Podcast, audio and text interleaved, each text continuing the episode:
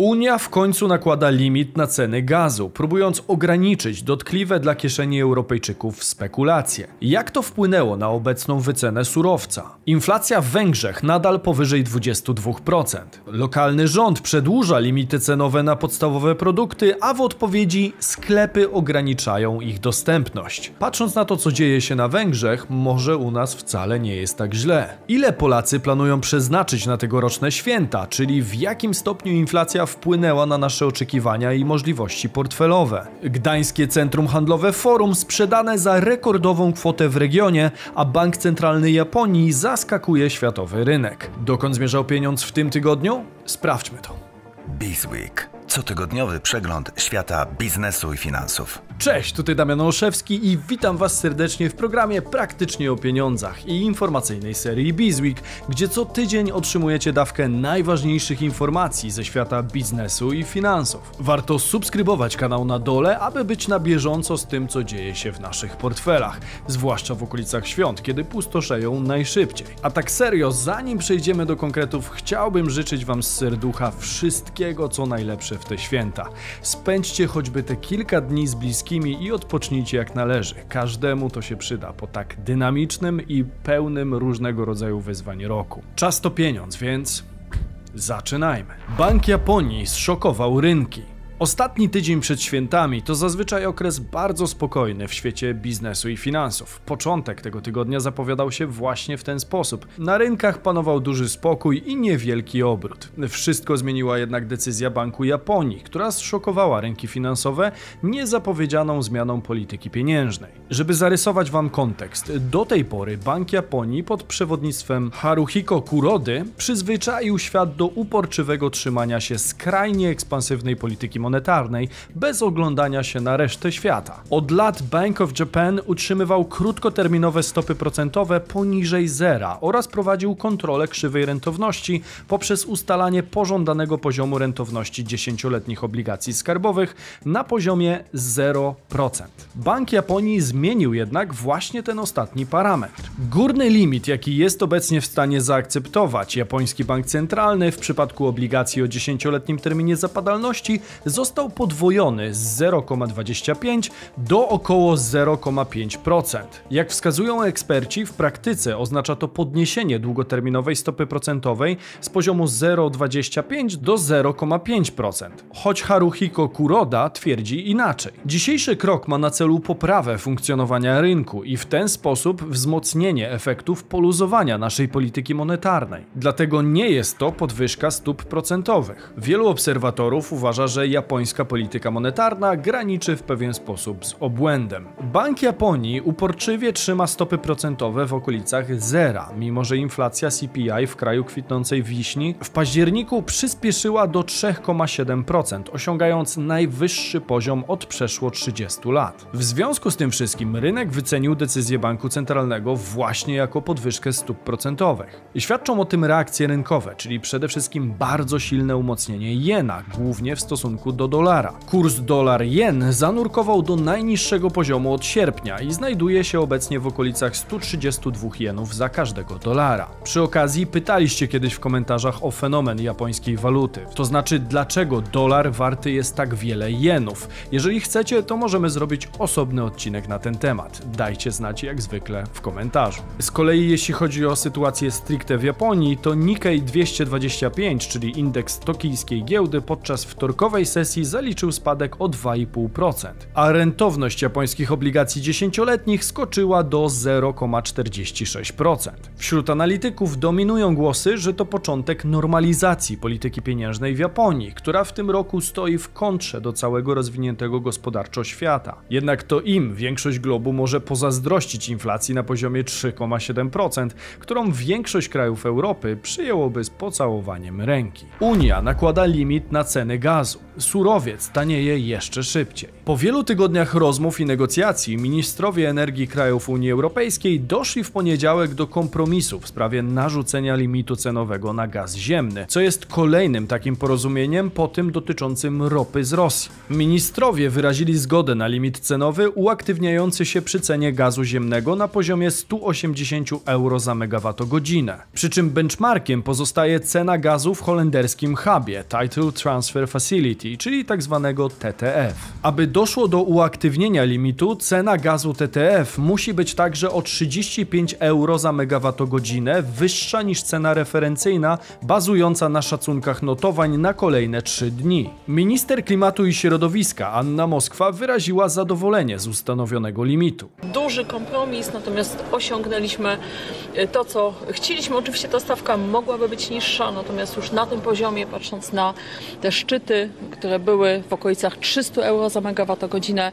to jest satysfakcjonująca e, kwota. Dalej minister Moskwa poinformowała, że w tej sprawie została uzyskana większość kwalifikowana. Wstrzymała się Austria, wstrzymała się Holandia, przeciwko były Węgry, wszystkie pozostałe państwa z większym lub mniejszym poziomem satysfakcji poparły to rozwiązanie. Dodatkowo, według pani minister, porozumienie jest istotne w kontekście myślenia o ponownym napełnieniu magazynów gazu. Stąd też należy się spodziewać tego masowego, dużego e, zapotrzebowania popytu na gaz i na pewno ten mechanizm przed e, wzrostami w tych momentach dużego popytu e, całą Unię Europejską będzie w stanie zabezpieczyć tak, żebyśmy mogli kupować gaz po akceptowalnej cenie. Planowane wejście w życie limitu cen gazu ma mieć miejsce 15 lutego 2023 roku, jednakże już wywołało zawirowania na rynku. W dniu ogłoszenia tej informacji benchmark TTF zakończył sesję na 9% minusie na poziomie 107 euro za megawattogodzinę. Jest to faktycznie całkiem niska cena i znacznie niższa niż ustalone 180 euro za megawattogodzinę,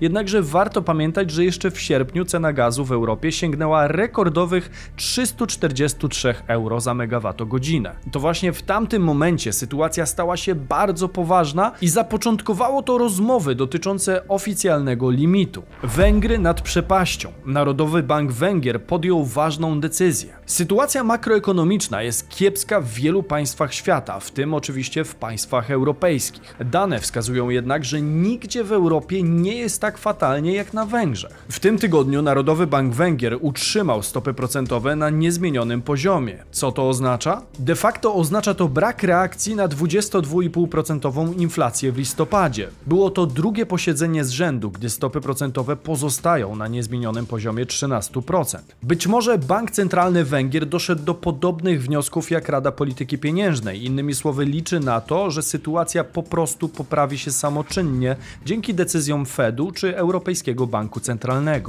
Problemy węgierskiej gospodarki narastają i nie zapowiada się na to, aby ta sytuacja miała się szczególnie poprawiać. Świadczy o tym m.in. przedłużenie do końca kwietnia 2023 roku obowiązujących limitów cen na podstawowe produkty spożywcze, choć prezes Narodowego Banku Węgier Georgi Matolksi apelował o to, by wszystkie limity cen zostały zniesione. W związku z decyzją rządu węgierskiego sklepy muszą do wprowadzonych przez węgierski rząd limitów dopłacać, a jednocześnie mają nakaz oferowania produktów pod groźbą grzywny za ich wycofanie z oferty. To się nazywa wolny rynek. W ten sposób władza tak naprawdę stawia sklepy pod ścianą i obarcza ich kosztami decyzji rządu. W reakcji na to kuriozum poszczególne sieci sklepów, np. Aldi, zdecydowały o wprowadzeniu własnych limitów zakupowych w kontrze. W związku z tym jeden klient może przykład kupić tylko jedno opakowanie jaj, litr mleka czy też kilogram ziemniaków. Jest to fatalna sytuacja, do tego wszystkiego dochodzi jeszcze panika wśród Węgrów dotycząca paliw, co jest z kolei wynikiem rezygnacji rządu z regulacji cen paliw. Zatem w pewnym sensie u naszych węgierskich bratanków nastał stary, dobry polski PRL. Pytanie, czy ktoś z Was pamięta te czasy i miał okazję ich doświadczyć? Podzielcie się doświadczeniem w komentarzu. Jak widać, zbyt duża ingerencja państwa w gospodarkę nierzadko prowadzi do coraz to większych abstrakcji, tym bardziej jeśli chodzi o ustalanie cen maksymalnych na podstawowe produkty czy reglamentacji produktów. Rząd węgierski chciał ochronić swoich obywateli, ale niestety z rynkiem ciężko jest wygrać ustawą, bo ma on dosyć sprawną zdolność do samoregulacji. O tym, jak zła jest sytuacja, wskazują wypowiedzi wspomnianego wcześniej prezesa Narodowego Banku Węgier. Pozwólcie, że jego nazwiska już nie wypowiem. Według którego Węgry są obecnie czwartym, piątym najbardziej zagrożonym krajem na świecie oraz czwartym od końca w Unii Europejskiej pod względem wydajności. Ile Polacy wydadzą na święta? Grudzień kojarzy nam się oczywiście ze świętami, ze wspólnie spędzonym rodzinnym czasem oraz z odpoczynkiem i ładowaniem baterii, tych życiowych. Wszyscy jednak wiemy, że święta także kosztują i to całkiem sporo. W związku z czym grudzień to dla polskich portfeli tradycyjnie najtrudniejszy miesiąc w całym roku. Niestety tym razem będzie jeszcze trudniej z powodu wysokiej inflacji, która w listopadzie osiągnęła poziom 17,5%, a w październiku poziom 17,9%, co było najwyższe najwyższym odczytem od grudnia 1996 roku. Liderami cenowych wzrostów pozostają żywność i napoje 22,3% rok do roku, opłaty za użytkowanie mieszkania i nośniki energii 26% i transport 14,4% wzrostu. Zatem podczas tych świąt wydamy więcej, ale kupimy niestety mniej. Jak wynika z badania zrealizowanego na zlecenie Związku Banków Polskich przez firmę badawczą Minds Roses, statystyczny Polak planuje w czasie nadchodzących świąt wydać przeciętnie nominalnie 1427 zł. Jest to niecały 1% więcej w stosunku do świątecznych wydatków deklarowanych w analogicznym okresie rok temu. Jak zakończy się tak skromna podwyżka w budżecie zakupowym? Jak się już pewnie domyślacie, te święta dla wielu mogą być po prostu skromniejsze. Autorzy analizy zwracają na to uwagę i komentują w następujący sposób. Biorąc pod uwagę dzisiejszą siłę nabywczą pieniądza, wyraźnie widać, że za tę kwotę kupimy w tym roku mniej niż jeszcze 12 miesięcy temu. I nie jest to bagatelna różnica. Analiza wskazuje, że przeciętnie wydamy 585 zł na artykuły spożywcze i organizację świąt. Z kolei na prezenty dla najbliższych i podróże świąteczne oraz dojazdy wydamy odpowiednio 500 zł i 300 342 zł, co sumuje się do kwoty 1427 zł. Największa część świątecznych wydatków to szeroko rozumiana żywność. Urszula Kłosiewicz-Górecka z Polskiego Instytutu Ekonomicznego uważa, że gospodarstwa domowe już wiedzą, że w tym roku koszt zakupu żywności na święta będzie wyższy w porównaniu do 2021 roku. Mimo to Polacy chcą spędzić święta w miarę dostatnio, szczególnie gdy chodzi o żywność. Dlatego będą racjonalizować zakupy, kupując mniej mniejsze ilości, aby nie dopuścić do marnowania kosztownej żywności. Kto wie, czy wielu z nas tego typu nawyk nie wyjdzie na dobre. Zapewne część konsumentów będzie także zmuszona kupować tańsze zamienniki produktów, a to już ciężko nazwać dobrą zmianą. Te kwestie komentują także analitycy BNP Paribas. Obserwowana obecnie skala wzrostu cen żywności jest najwyższa w całym XXI wieku. Zdrożały wszystkie kategorie produktów, nawet za karpia na tegoroczną wigilię zapłacimy zdecydowanie zdecydowanie więcej niż przed rokiem. Oznacza to, że czekają nas święta dużo skromniejsze i bardziej bolesne dla naszych portfeli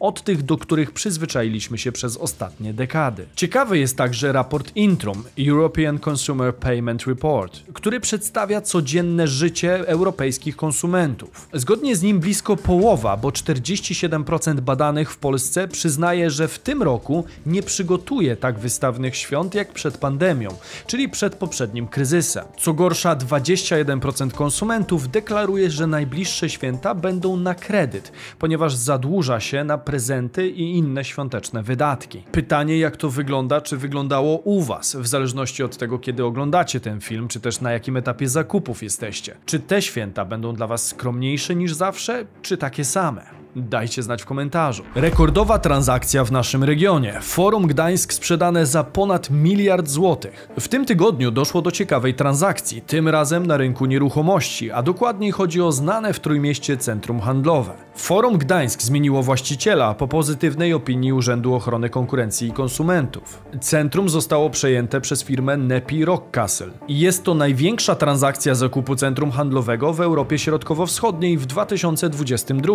Kwota transakcji wyniosła 250 miliardów euro, czyli ponad miliard 167 milionów złotych. Jest to kolejna transakcja Nepi Castle, ponieważ w listopadzie firma dokonała zakupu centrum handlowego Copernicus w Toruniu o powierzchni 48 tysięcy metrów kwadratowych za kwotę 127 milionów euro. Pytanie zatem, co to za firma, która tak chętnie wykupuje w Polsce okazałe centra handlowe? Spółka jest notowana na giełdzie w Amsterdamie i Johannesburgu i wyceniana na 3,5 miliarda euro. Nepi Rock Castle jest właścicielem i operatorem centrów handlowych w Europie Środkowo-Wschodniej, obecnym w dziewięciu krajach. W Polsce posiada m.in.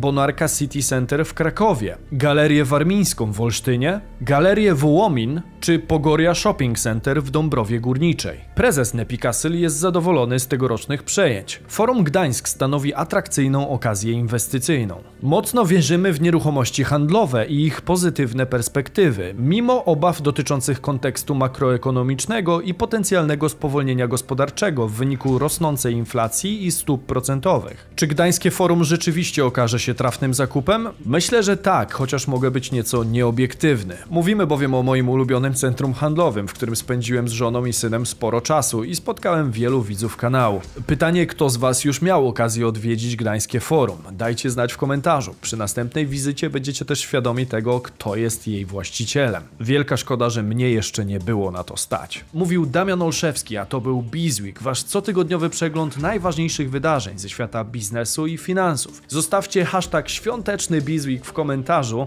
i raz jeszcze życzę Wam z głębi serca wszystkiego, co najlepsze w te święta. Naładujcie porządnie baterie i doceniajcie to, co macie, bo kto wie, co przyniesie nam jutro. Następny odcinek już w środę po świętach. Cześć!